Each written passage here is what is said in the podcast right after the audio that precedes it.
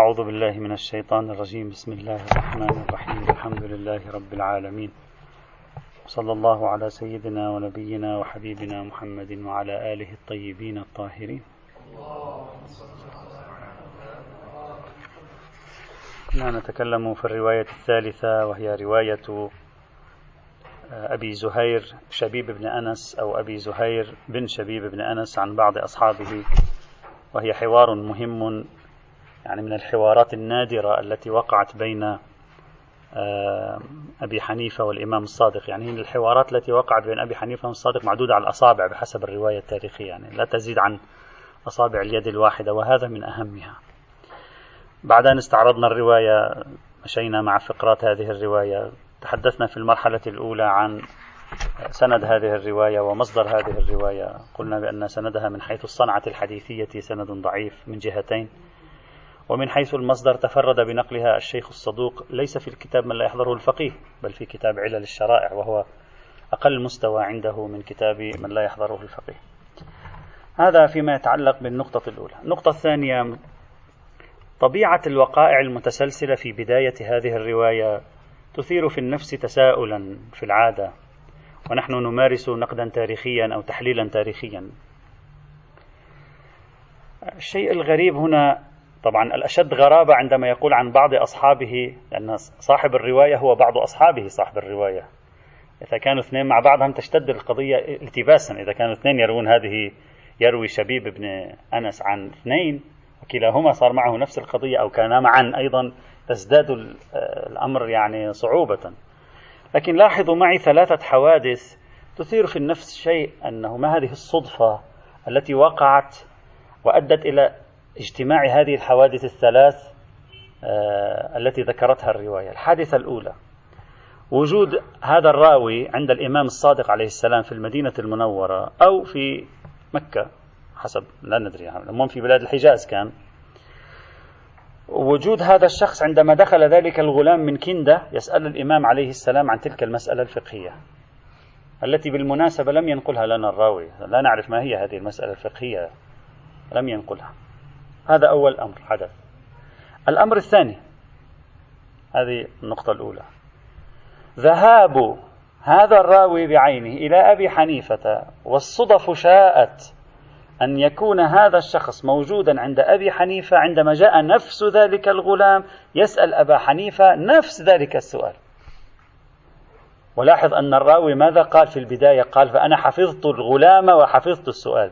كأنما واحد راح يسأله حيقول له أنت شو ذكرك فيه؟ هو يدري أنا حفظت الغلام وحفظت السؤال. هذا صدفة ثانية حصلت ممكن أيضا حصلت. الصدفة الثالثة أيضا التي حصلت التي على أساسها لابد أن تتركب الرواية.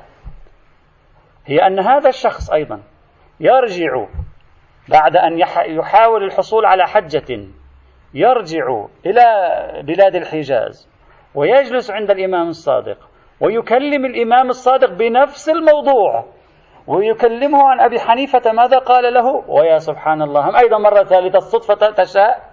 القدر الإلهي يشاء أن يدخل أبي حنيفة في تلك اللحظة أيضا. إذا قلت لي ممكن أقول لك نعم ممكن.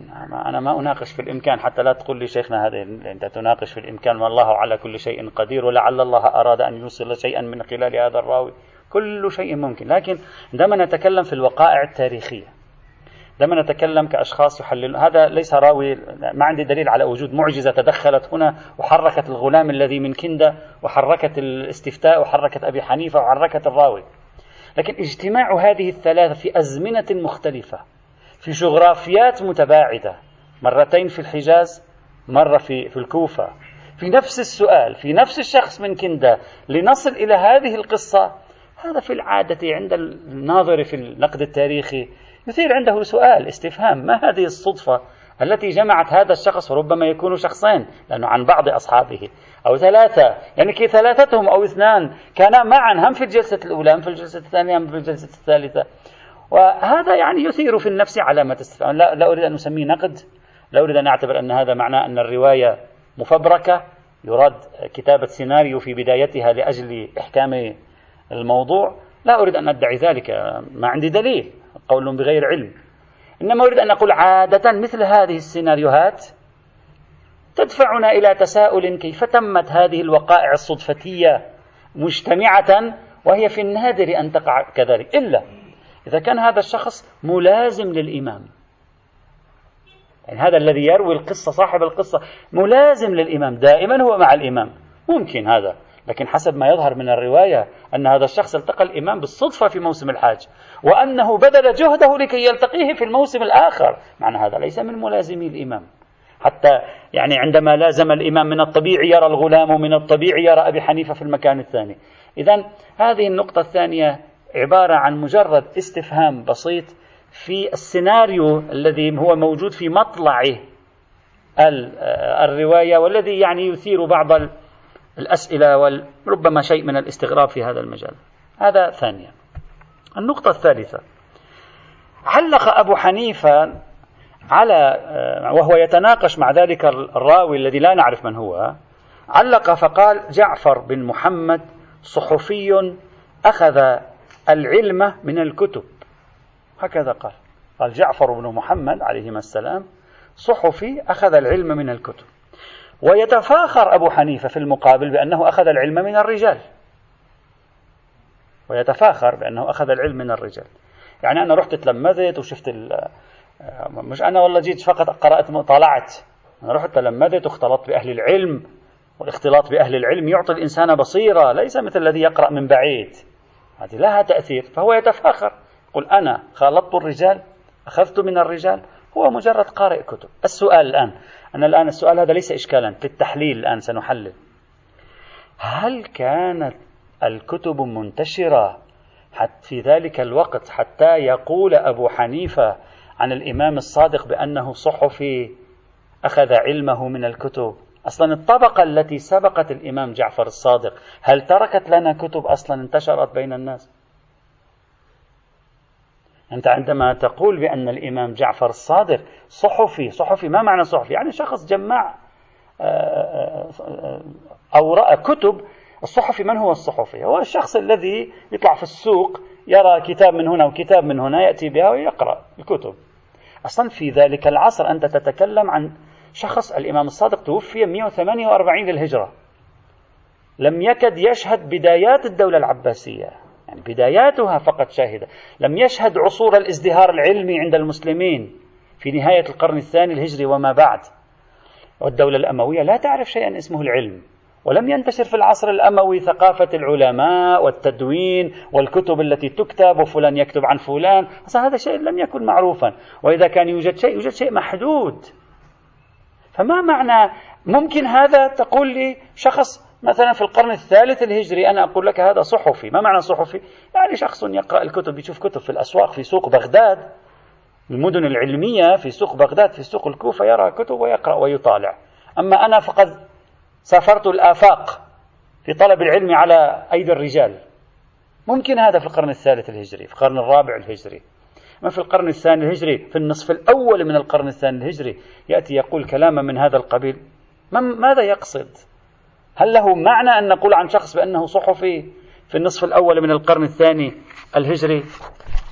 هل من الممكن أن يقصد أبو حنيفة من الصحف هنا الكتب التي تناقلها أهل البيت جيلا بعد جيل مصحف فاطمة الجامعة ها؟ هذه الكتب التي تم مثل كتاب علي هذه الكتب التي تم تناقلها في داخل سلسلة الأئمة عليهم السلام هل كان يمكن أبو حنيفة يقصد شيئا من هذا أو كان يقصد أنه صحفي يذهب إلى الأسواق ويشتري كتب. كان في كتب أصلا بهذا المعنى متداولة كانت أصلا هذه في تلك الفترة أو لا. هذا أيضا يحتاج مثلا نفكر يلا بس خل خلص الفكرة فقط. لأن يعني ما, ما زلت أسأل سؤال لأصل إلى نتيجة. طيب ليس بعيد إذا أن يقصد صحائف أجداده. هذا أيضا احتمال. بل حتى لو شخص أنكر هذه الرواية. قال هذه الرواية موضوعة. ماذا يعني ذلك؟ يعني ذلك أن ثمة من وجه أصابع الاتهام والطعن في أهل البيت وأنهم لم يتعلموا. لذلك معلوماتهم أتت من بعض الكتب التي وصلتهم.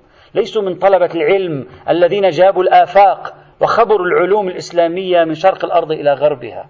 كأنما يوجد من وجه أصابع الاتهام إلى الأئمة والراوي على تقدير أن الرواية موضوعة يريد أن يدفع هذه التهمة ليؤكد أن من هو صحفي بهذا المعنى أهم وأعلم ممن هو قد جاب الآفاق. ممكن. خاصة الرواية السابقة التي قرأناها الإمام يشير فيها لقتادة يقول له إذا أخذت العلم من أفواه الرجال فقد أهلكت وأهلكت. وكأنه يزاهد في أمر أولئك الذين يطوفون في المدن الإسلامية يطلبون العلم من الرواة والمحدثين. هؤلاء لا تنفع لا ينفعك منهم شيء. ربما يكون الأمر كذلك في هذا المضمار. أقول لا أدري ماذا يقصد أبو حنيفة في ذلك الظرف الزمان من كلمة صحفي احتمال مطلق الكتب احتمال الكتب الخاصة التي كان يتفاخر أهل البيت بأنها عندهم وهي صحف آبائهم وأجدادهم الاحتمالات موجودة. إلا أن الشيء الذي أريد أن أتوقف عنده هنا هو أن هذه الرواية تصور أبو حنيفة أو أبا حنيفة على أنه يطعن في علم الإمام الصادق. صحيح أو لا؟ الرواية واضحة في أنها تقدم لنا موقفا لأبي حنيفة يطعن فيه بالإمام الصادق عليه السلام. هذا صحفي يعني شاف كم كتاب يقرأه. ليس طالب علم حقيقي يعني. هكذا. بينما نحن نجد رواية أخرى على عكس هذه الرواية تماما وهي موجودة في المصادر السنية. بمعنى أن الرواية الشيعية تقول بأن أبي حني أن أبا حنيفة كان يطعن في علم الإمام الصادق. بينما الرواية السنية تقول بأن أبا حنيفة كان يجل علم الإمام الصادق. وهذا شيء يلفت النظر.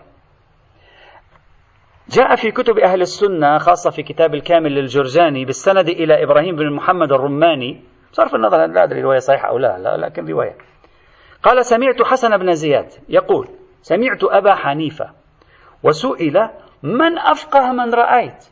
أبو حنيفة في المصادر السنية يسأل من أفقه من رأيت؟ فقال ما رأيت أحدا أفقه من جعفر بن محمد. أبو حنيفة يقول ما رأيت أحد أفقه من جعفر بن محمد. ويعطي شاهد الآن. يعطي شاهد. لما أقدمه المنصور الحيرة بعث إلي. المنصور العباسي الذي استلم يعني السلطة 136 137 تقريبا بعد السفاح. وهو باني بغداد منصور هو باني بغداد. ويعني استقر أمر الدولة العباسية على يد المنصور العباسي. 136 137 هذا معناه الآن أبو حنيفة سيستدعيه المنصور ويطلب منه أن يحرج الإمام الصادق في مجلسه. يعني العلاقات بين أبو حنيفة والمنصور جيدة. هذا معناه أن هذه القصة إذا صحت لا أدري العلم عند الله. وقعت بين سنة 137 و 145 لأن في سنة 145 ساءت العلاقة بين المنصور وأبو حنيفة. وسجن أبو حنيفة إلى أن مات في السجن سنة 150 للهجرة. وعذب من قبل المنصور العباسي. لأن هذه القصة لو كانت صحيحة فيتوقع أن تكون وقعت بين سنة 137 إلى 145 لأن هذه الفترة كانت فترة هادئة في العلاقة بين المنصور العباسي وبين أبي حنيفة. رغم أن أبو حنيفة كان في الدولة الأموية قريبا من الزيديين لكن في الدولة العباسية في مطلعها كان وضعه ليس سيئا لكن ساء وضعه في سنة 145 يعني بعد مقتل النفس الزكية بعد حادثة مقتل محمد النفس الزكية ساءت علاقة أبو حنيفة بالدولة العباسية. فأنا أتوقع هذه القصة إذا صحت العلم عند الله وقعت في هذه الفترة. يقول لما أقدمه المنصور الحيرة لأن المنصور أقدم استدعى الإمام الصادق عليه السلام إلى العراق بعث إلي المنصور فقال يا أبا حنيفة إن الناس قد فتنوا بجعفر بن محمد. طبعا معروف المنصور العباسي تاريخيا. كل الأشخاص الذين بعد أن برزت الدولة العباسية كانوا عبارة عن أعمدة يمكن أن ينافسوا الدولة العباسية ولو كانوا في خطها كلهم قضى عليهم. من أبي مسلم الخراساني للعلويين كلهم واحد وراء الثاني واستقر الأمر له يعني نجح في القضاء عليهم. يعني ارتكب مجازر فظيعة على أي حال. فأراد الآن أن يجي الدور إلى الإمام الصادق. فهيئ له يقول المنصور لأبي حنيفة فهيئ له من مسائلك تلك الصعاب. يعني أعطينا هيك مسائل مستصعبات المسائل. قال فهيأت له أربعين مسألة. ثم بعث إلي أبو جعفر أبو جعفر يعني المنصور فأتيته بالحيرة فدخلت عليه وجعفر جالس يعني جعفر الصادق عليه السلام عن يمينه يعني كان قد استدعاه وإجا فلما بصرت بهما دخلني لجعفر من الهيبة ما لم يدخلني لأبي جعفر يعني هبت الإمام الصادق أكثر مما هبت المنصور. فسلمت وأذن لي أبو جعفر فجلست ثم التفت إلى جعفر. فقال يا أبا عبد الله ثم الت... فجلست ثم التفت إلى جعفر أو التفت إلي جعفر. فقال يا أبا عبد الله تعرف هذا؟ قال نعم هذا أبو حنيفة. ثم أتبعها قد أتانا يعني كان جاي لعنا سابقا في المدينة. ثم قال يا أبا حنيفة هات من مسائلك. سل أبا عبد الله. فابتدأت أسأله. قال فكان يقول في المسألة أنتم تقولون فيها كذا وكذا. وأهل المدينة يقولون كذا وكذا ونحن نقول كذا. يعني الإمام الصادق عندما يسأل يقول أهل العراق يقولون كذا أهل المدينة يقولون كذا نحن نقول كذا. فربما تابعنا يعني ربما رأيه كان مثل رأينا وربما تابع أهل المدينة رأيه مثل رأي أهل المدينة وربما خالفنا جميعا. يعني ممكن كان عنده رأي مستقل عن فقه العراق وفقه المدينة وفقه العراق وفقه المدينة في تلك الفترة هم فقه الإسلام. يعني ما في مدارس بعد إسلامية كبرى كان في تلك الفترة. ما ما طلعت بعد مصر وخراسان وما كانت هذه بعدين ظهرت كانت ما تزال في بداياتها. طيب وربما خالفنا جميعا. حتى أتيت على أربعين مسألة ما أخرج منها ما أخرج منها مسألة. ثم قال أبو حنيفة أليس قد روينا أن أعلم الناس أعلمهم باختلاف الناس؟ يعني يقول من هو أعلم الناس؟ هو الإمام الصادق. فهذه الرواية اللافت فيها أنها تقدم لنا أبا حنيفة في تصويره للإمام الصادق بشكل مختلف عن أبي حنيفة في تصويره للإمام الصادق في, في الرواية التي أوردها الشيخ الصدوق في العلل. أقول ربما تلك الرواية قبل متقدمة زمانا ربما بعد ذلك أبو حنيفة تحول رأيه تغير رأيه انطباعه تغير.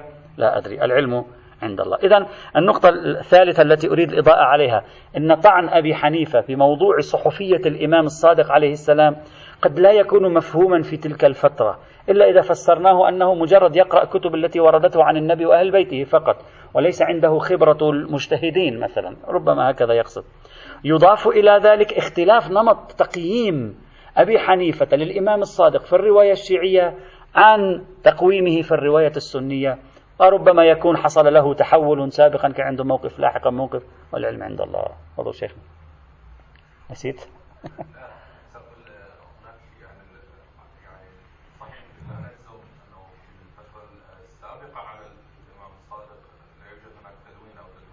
بل. لا يقرأ أحد كتب أهل عصره. الشيوخ يقرؤون كتب الشيوخ. ما يجي الإمام الصادق يقرأ كتب واحد ألف شخص من, من أهل زمان. أهل هو في طبقته نادر هذه. رواية الأقارن عن بعضهم قليلة عادة يعني.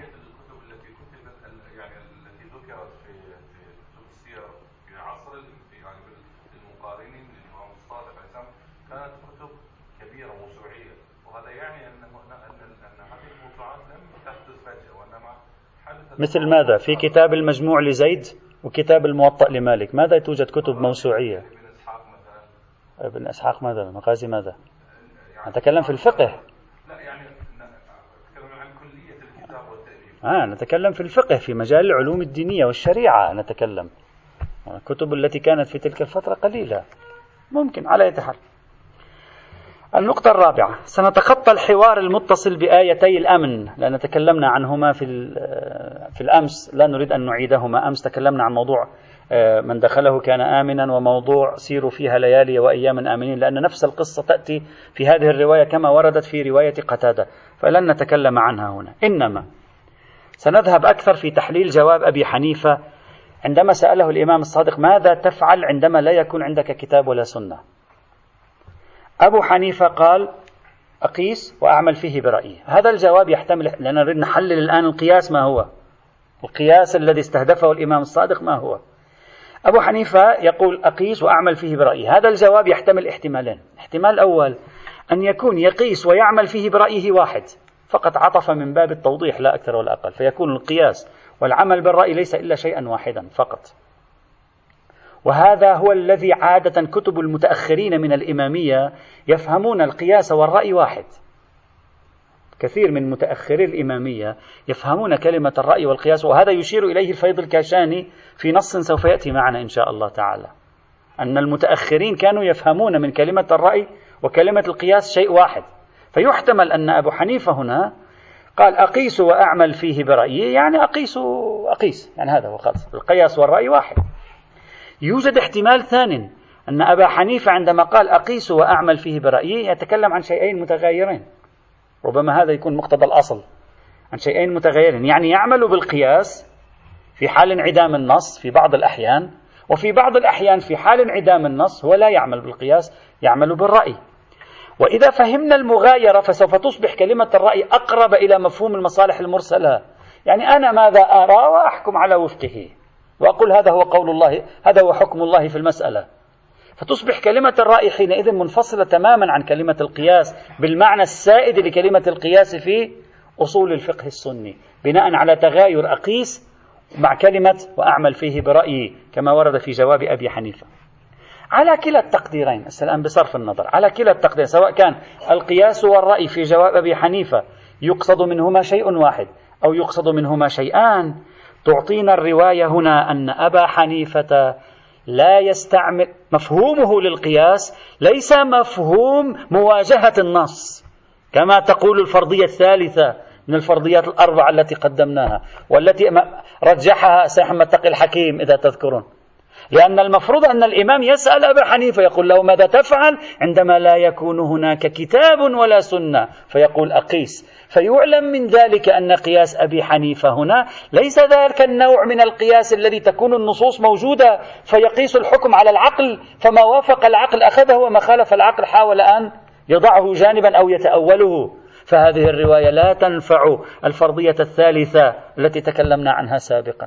لأن مفروض القياس في السؤال والجواب مفروض انعدام النص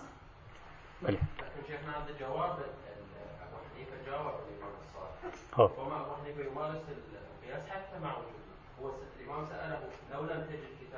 ربما. لكن الآن هذه الرواية ماذا تعطي؟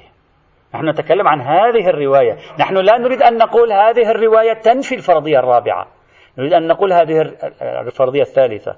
نريد أن نقول هذه الرواية لا تثبت الفرضية الثالثة. هذا فقط نريد أن نقول. لا نريد أن ننفيها الفرضية الثالثة لها ما يؤيدها. مر سابقا ما يؤيدها وسيأتي. لكن هذه الرواية بالخصوص لا تنفع الفرضية الثالثة. التي تقول القياس الذي نهى عنه أهل البيت خصوص مواجهة العقلية مع النص لا. هنا أبو حنيفة استخدم المفردتين معا القياس والرأي في مفروض انعدام النص. فليس في الرواية إشارة إلى أن أبا حنيفة يعمل بالقياس في مورد وجود النص. حتى نقول هذه الرواية تؤيد الفرضية الثالثة من الفرضيات الأربع المتقدمة في هذا المعنى. وبهذا يترجح أن المراد بالقياس في هذه الرواية. المراد إما الفرضية الرابعة أو الأولى أو الثالثة. يعني إما مطلق التقدير في حال انعدام النص أو القياس السني المعروف اللي هو إما قائم على الدراسة الدقيقة للعلة أو القائم على محض المشابهة البدوية. اللي هي الفرضية الأولى والثانية والرابعة. أرجو نبقى حافظين الفرضيات الأربع لأننا سنكررهم دائما كما قلنا. إذا هذه نقطة مهمة تنفعنا في المقام أن هذه الرواية لا تنتصر للفرضية الثالثة التي انتصر إليها سعد تقي الحكيم وتبعه آخرون أيضا. قياس همون قياس معروفی نه نه نه نه. لا. لا السيد محمد تقي قلنا السيد محمد تقي الحكيم يرفض القياس كل القياس. لكنه يقول الذي رفض الروايات الواردة عن أهل البيت كانت ناظرة لنوع من القياس وهو وجود النص وقياس النص على العقل. مثل الآن الآن هذا التيارات الفكرية والعقلانية والحداثية وإلى آخره يقول هذا النص يعني لا يعقل يا أخي يكون هذا موجود هذا نرفضه. هذه الظاهرة التي عرفها المسلمون في القرن الثاني الإمام الآن يرفضها. حالا خب حالا سوال جواب اینجوریه که در یک مثلا امام فرموده در فرعی که در کتاب و سنت وجود نداره. نداره چه کار می‌کنی؟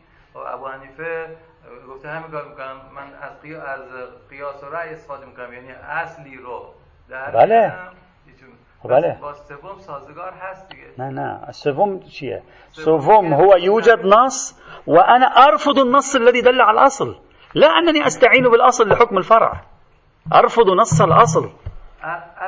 نعم نعم. محاسبة النصوص تفسيرا وتقويما قبولا وردا تفسيرا وتأويلا على أساس العقل الظني. على أساس العقل. الآن بعدين هذه ندخل فيها. هذه هو الفرضية الثالثة.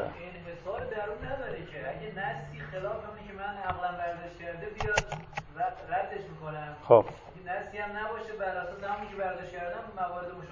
لا يوجد تنافي. نحن نحن شيخنا لم نقل يوجد تنافي. نفس سؤال الشيخ قبل قليل. قلنا هذه الرواية لا تنفي الفرضية الثالثة للقياس. لا تثبت أن أبا حنيفة يفعلها. كان يعمل بذلك. فقط هكذا. يعني أنا أريد أن أقول هذه الرواية لا يمكن للسيد الحكيم أن يستخدمها كأداة لإثبات مراده. بل هذه الرواية تؤكد أن مفهوم القياس ممكن يكون أعام وليس كما يقول سيد الحكيم مفهوم القياس في القرن الثاني الهجري خاص بنوع اللي هو داخل إطار التعامل مع النصوص لا خارج إطار التعامل مع النصوص. هذه الفكرة التي نريد. النقطة الخامسة. رغم سلامة الخطوات التي نخطوها الآن في ظني إلا أن هذه الرواية سوف تجعلنا نواجه ارتباكا عجيبا. سنحاول حله. وهي الإمام جعفر الصادق بعد أن يأتي أبو حنيفة يقول له أنا أقيس وأعمل فيه برأيي. والمفروض أنه يجيب عن الإمام الصادق متى؟ يجيبه في مورد عدم وجود الكتاب والسنة. يجيبه الإمام الصادق. ماذا يقول؟ يقول أول من قاس إبليس.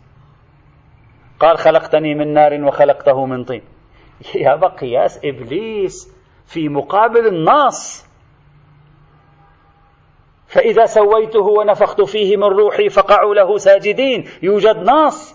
وإبليس مارس القياس لرفض النص الإلهي. يعني الفرضية الثالثة. يعني يوجد نص إلهي. أبو حنيفة يقول لك أنا أجتهد حيث لا نص. فكيف تشكل علي بأن القياس باطل؟ كيف باطل؟ لأن إبليس قاس. يابا إبليس قاس. إبليس كان أمامه نص. وقاس وواجه النص الإلهي. أنا أنت سألتني ماذا أفعل عندما لا يكون نص إشكالك لا ربط له بجوابي. واضح الإشكالية؟ طبيعة جواب الإمام ليست صحيحة إذا صحت الرواية لن تكون صحيحة. الآن الآن سأطرح الإشكال الذي جاء في بالي ثم نحاول أن نجيبه. ليس منطقي. أنا أنت تقول لي ماذا تفعل عندما لا يكون نص؟ أقول لك عندما لا يكون نص أقيس. يعني عندما يكون نص أقول النص سمعا وطاعة. ثم تقول لي إبليس قاس. إبليس قاس بنوع من القياس الذي يرفض النص. هل قاس إبليس قبل أن يأتي الأمر الإلهي بقوله تعالى فقعوا له ساجدين؟ قل لم يقس. فكيف نفهم طبيعة جواب الإمام حتى يصبح التركيب المنطقي بين سؤال الإمام جواب أبو حنيفة. إشكال الإمام عليه يصبح منطقيا. بهذه الطريقة ليس منطقيا. هذا هو الشيء الذي يأتي في الذهن للمرة يعني للوهلة الأولى. إلا أن الصحيح إذا أردنا نتأمل أكثر في هذا الحوار المهم بالنسبة إلينا. الصحيح أن قياس أبي حنيفة صحيح هو خارج عن إطار النصوص. الإمام لا يريد أن يقول له أنت فعلت عين ما فعل أغاي إبليس. لا لا يريد أن يقول له ذلك. يريد أن يقول له ذلك. إبليس أخطأ وخطأه مبني على شيء. قياسك مبني على نفس ذلك الشيء. الآن انتبه معي جيد. هي أصلا فلسفة القياس هنا. إبليس عندما أخطأ كيف أخطأ؟ تصور أنه في عندنا نار وفي عندنا تراب. استخدم أسلوب القياس. بعدين سنتوقف عند ما معنى قياس إبليس. هو هل قياس إبليس مثل يعني في رابط بين المهم تراب ونار وقال التراب أقل من النار النار أقوى من التراب فمفترض أنا أكون أفضل منه. هكذا حسب القضية إبليس. الإمام ماذا يريد أن يقول؟ يريد أن يقول قد يصدر الله أحكاما تحسبها أنت بذهنك متشابهة أو غير متشابهة ولكنها في الواقع تكون على عكس ما تتصور أنت. يعني يريد الإمام أن ينسف المبدأ التحتي للقياس اللي هو مبدأ التناظر والتشابه. اللي هو عكسه ما هو عكسه؟ الذي يريد أن يثبته الإمام هو أن الشريعة مبنية على تفريق المؤتلفات وتأليف المفترقات. الذي فعله إبليس أنه حاول أن يربط بين الأشياء بقواعده الذهنية. الشريعة الإلهية مبنية على قواعد ذهنية مختلفة. أنت أيضا فعلت نفس الشيء. ولو خارج النص أنت يعني أبا حنيفة. أنت هم أيضا فعلت نفس الشيء. قاربت ألف مع باء قارنت ألف مع باء واستخرجت حكما مع أن الشريعة مبنية أحيانا على رغم تشابه ألف وباء على تغايرها في الأحكام ورغم تغاير ألف وباء على تشابهها في الأحكام. ولذلك إذا تلاحظون الإمام الصادق مباشرة بعد قصة إبليس ماذا قال لأبي حنيفة؟ قال له أيهما أنجس البول أو الجنابة؟ فما ربط البول والجنابة في الموضوع؟ في الحقيقة الإمام الصادق يريد أن يقول له ما تراه أنت من التشابهات؟ خطأ. شريعة الله ليست مبنية على هذه التشابهات والمقاربات بين الأشياء تقارب هذا إلى هذا. اتفاقا مقاربة ال ال ال الإمام الصادق في المثالين الأولين قريبة من قياس الأولوية. يقول له أيهما أنجس؟ وأيهما أهم الصلاة أم الصوم للحائض؟ قريب من قياس الأولوية يعني من أبرز أنواع القياس. خلاصة الكلام. الإمام الصادق جوابه منطقي إذا صحت الرواية. وغرضه من الجواب أن يقول إن البناء الذي أنت تتصوره للشريعة وعليه بنيت القياس هو بناء خطأ.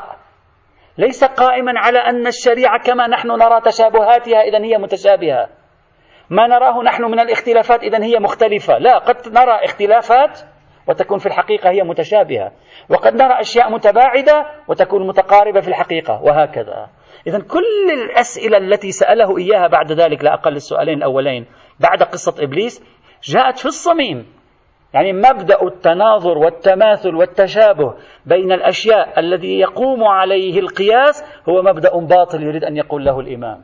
وإن كان أبو حنيفة لا يعمل هذا المبدأ في مواجهة النص لكنه يعمله خارج النص. فجواب الإمام في محله في مثل هذه الحال. بل الألطف من ذلك أن الإمام أعطى أربع أسئلة لأبو حنيفة. سؤالين متعلقين بأيهما أنجس البول أو الجنابة وأيهما أهم الصلاة أو الصوم. هذا السؤالين مربوطين بالقياس. وسأله سؤالين آخرين الإمام. سؤالين في موضوع الأمة والمملوكة. في الأمة والمملوكة لا يوجد قياس. أنا سأقرأه سأقرأ لكم أمس أنا عبرت عنهما لأننا لم نكن نريد أن نطيل. الإمام يقول يسأله السؤال الثالث وهو سؤال مهم. يقول له أخبرني عن رجل كانت له أم ولد وله منها ابنة وكانت له حرة لا تلد. فزارت الصبية بنت أم الولد أباها. فقام الرجل بعد فراغه من صلاة الفجر فواقع أهله التي لا تلد. واقع الحرة التي لا تلد. وخرج إلى الحمام. فأرادت الحرة أن تكيد أم الولد وابنتها عند الرجل فقامت إليها بحرارة ذلك الماء فوقعت عليها وهي نائمة. فعالجتها كما يعالج الرجل المرأة. فعقلت يعني التقطت النطفة. أي شيء عندك فيها؟ يعني شخص عنده حرة وعنده أم ولد. الحرة لا تلد أم الولد تلد. الحرة لا تلد أم الولد تلد. أرادت الحرة أن تغيظ أم الولد. جاء الرجل قرب زوجته الحرة. قامت هذه الحرة وفعلت مع البنت. فعلت مع البنت على ما يبدو البنت لأنه إذا كانت مع الأم لا تؤثر شيئا بالعكس تقول لها جبنا ولد ثاني. فعلت مع البنت اللي هي ابنته. فعلت معها ما يفعل الرجل مع زوجته. فماؤه الذي كان في الحرة نزل في البنت فحملت البنت.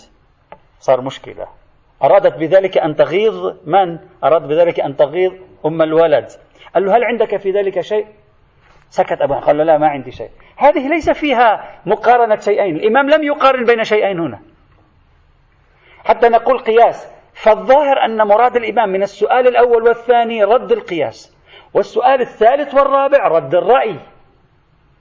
يعني ماذا تشخص أنت؟ أنت تقول أنا أرجع إلى القياس والرأي. طيب في موردين رأينا لا تستطيع أن أن تقوم بالقياس. في موردين آخرين أيضا رأينا أنك لا تستطيع أن تقوم بالرأي. ما عندك فكرة حول الموضوع. ما تستطيع أن تشخص المصلحة من المفسدة حتى تبني عليها رأيا. إذا لا يستطيع القياس أن ينفعك في سد الفراغ الناتج عن عدم الكتاب والسنة ولا يستطيع الرأي أن ينفعك أيضا في بعض الحالات. إذا أنت لم تحل مشكلة الأسئلة الفقهية. يعني ها هي الرسالة في الحقيقة التي يريد الإمام أن يوجهها لأبي حنيفة وتكون حينئذ منطقية ويرتفع الإشكال السابق في مثل هذه الحال.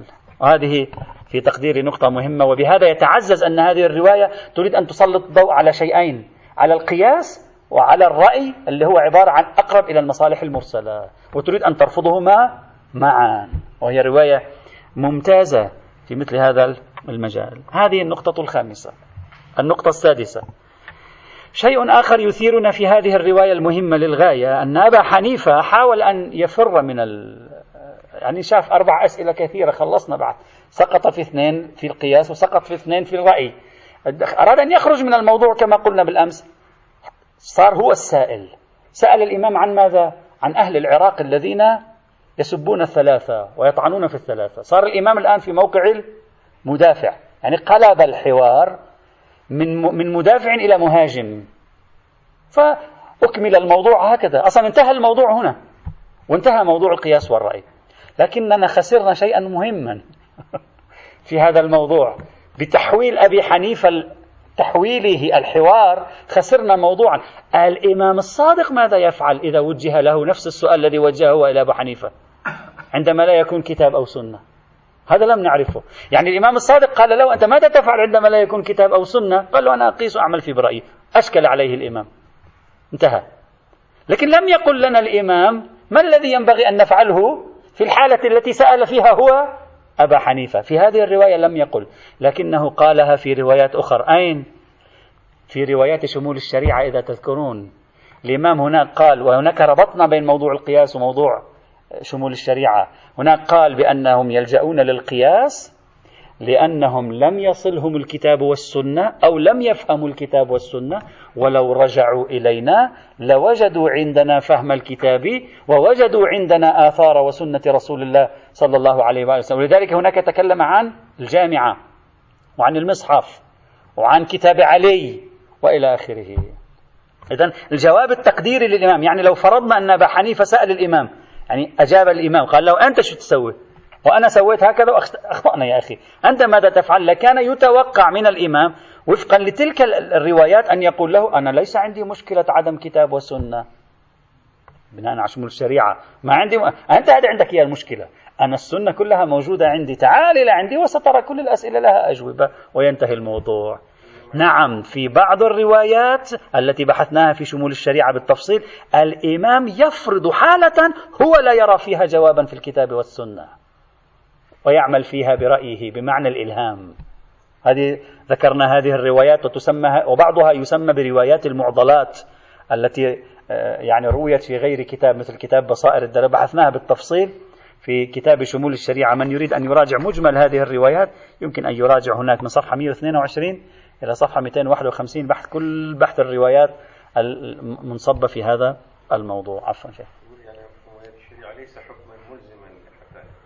لا بناء على تلك الروايات مفترض أن الشريعة شاملة. يعني أنا أفترض ذلك بصرف النظر عن البحوث التي قيلت هناك في هذا الموضوع. وعليه. إذا وبصرف النظر عن هذا كله الرواية هنا لا تعطينا يعني حلا للفقيه الشيعي ماذا يفعل في عصر الغيبة إذا فقد الكتاب والسنة. لا تعطيه حل.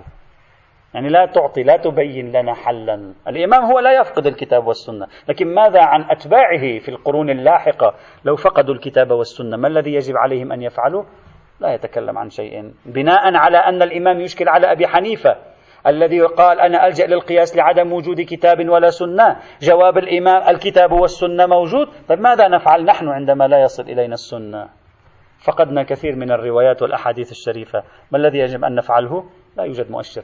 وإن كانت إشكالات الإمام على أبي حنيفة سنخ إشكالات تقول بأن القياس في عصرنا أيضا مرفوض. لماذا؟ لأن الإشكال الذي سجله الإمام على أبي حنيفة إشكال منهجي. يعني من القياس بنفسه مبني على قاعدة غير صحيحة. بصرف النظر في أي زمان أنت تستخدمه. لا يوصل للحقيقة لأنه قائم على مبدأ التشابه والتناظر في حين أن الشريعة ليست قائمة في واقعها على مبدأ التشابه والتناظر كما قلنا مرارا. وحينئذ هذه الرواية تصلح معارضا لما طرحه بعض العلماء. من أمثال حسن فضل الله رحمة الله عليه والشيخ المطهري رحمة الله تعالى عليه عندما قالوا إن روايات القياس ناظرة إلى حال وجود السنة والكتاب لا إلى حال الانسداد وعدم وجود السنة والكتاب. أنا عندهم إشارات.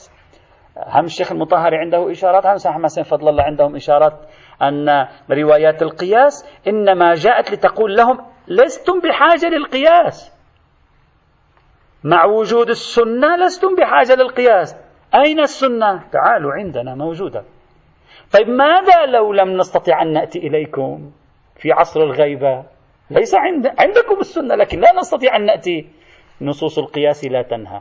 لذلك قال سيد حسين فضل الله في حوار أجرته معه مجلة المنطلق في العدد 111 سنة 1995 قال لا يبعد أن تكون روايات القياس ليست ناظرة لمثل زماننا الذي هو فرض انسداد عندنا في الجملة فرض انسداد وقامت عليه الدنيا في حينه ولم تقعد. وليس هو أول من قالها وقد قالها الشيخ المطهري من قبله ولم تقم عليه الدنيا. وقالها قبل ذلك من نقل عنهم الشيخ الأنصاري في كتاب الفرائد ولم نسمع أنه قامت عليهم الدنيا. على أي حال. طبعا نحن فيما بعد سنأتي على هذه الفكرة التي طرحها سيد فضل الله. لكن هذه الرواية تبطل فكرة سيد فضل الله. يعني إذا صحت هذه الرواية تبطل. لأن طبيعة إشكال الإمام هنا ليس إشكال أنتم لم تصلوا إلى السنة أو وصلتم. طبيعة إشكال بنية الشريعة ليست متناسبة مع القياس. فجواب سيد فضل الله والشيخ المطهري لا يتناسب مع هذه الرواية. هذه الفكرة. شيخنا الشريعة مبنية على تدقيق المؤتلفات؟ بلي. هذا يعني منين بعد؟ هذه الرواية الآن. هذه واحدة من الشواهد التي بنى عليها أمثال الميرزا النائيني عندما قال أن بطلان القياس ناتج عن أنه غير منسجم مع بنية الشريعة. نعم هذه هذه واحدة من الروايات. هذه واحدة. يريد أن يقول له الإمام ممكن يكون شيء أقذر من شيء؟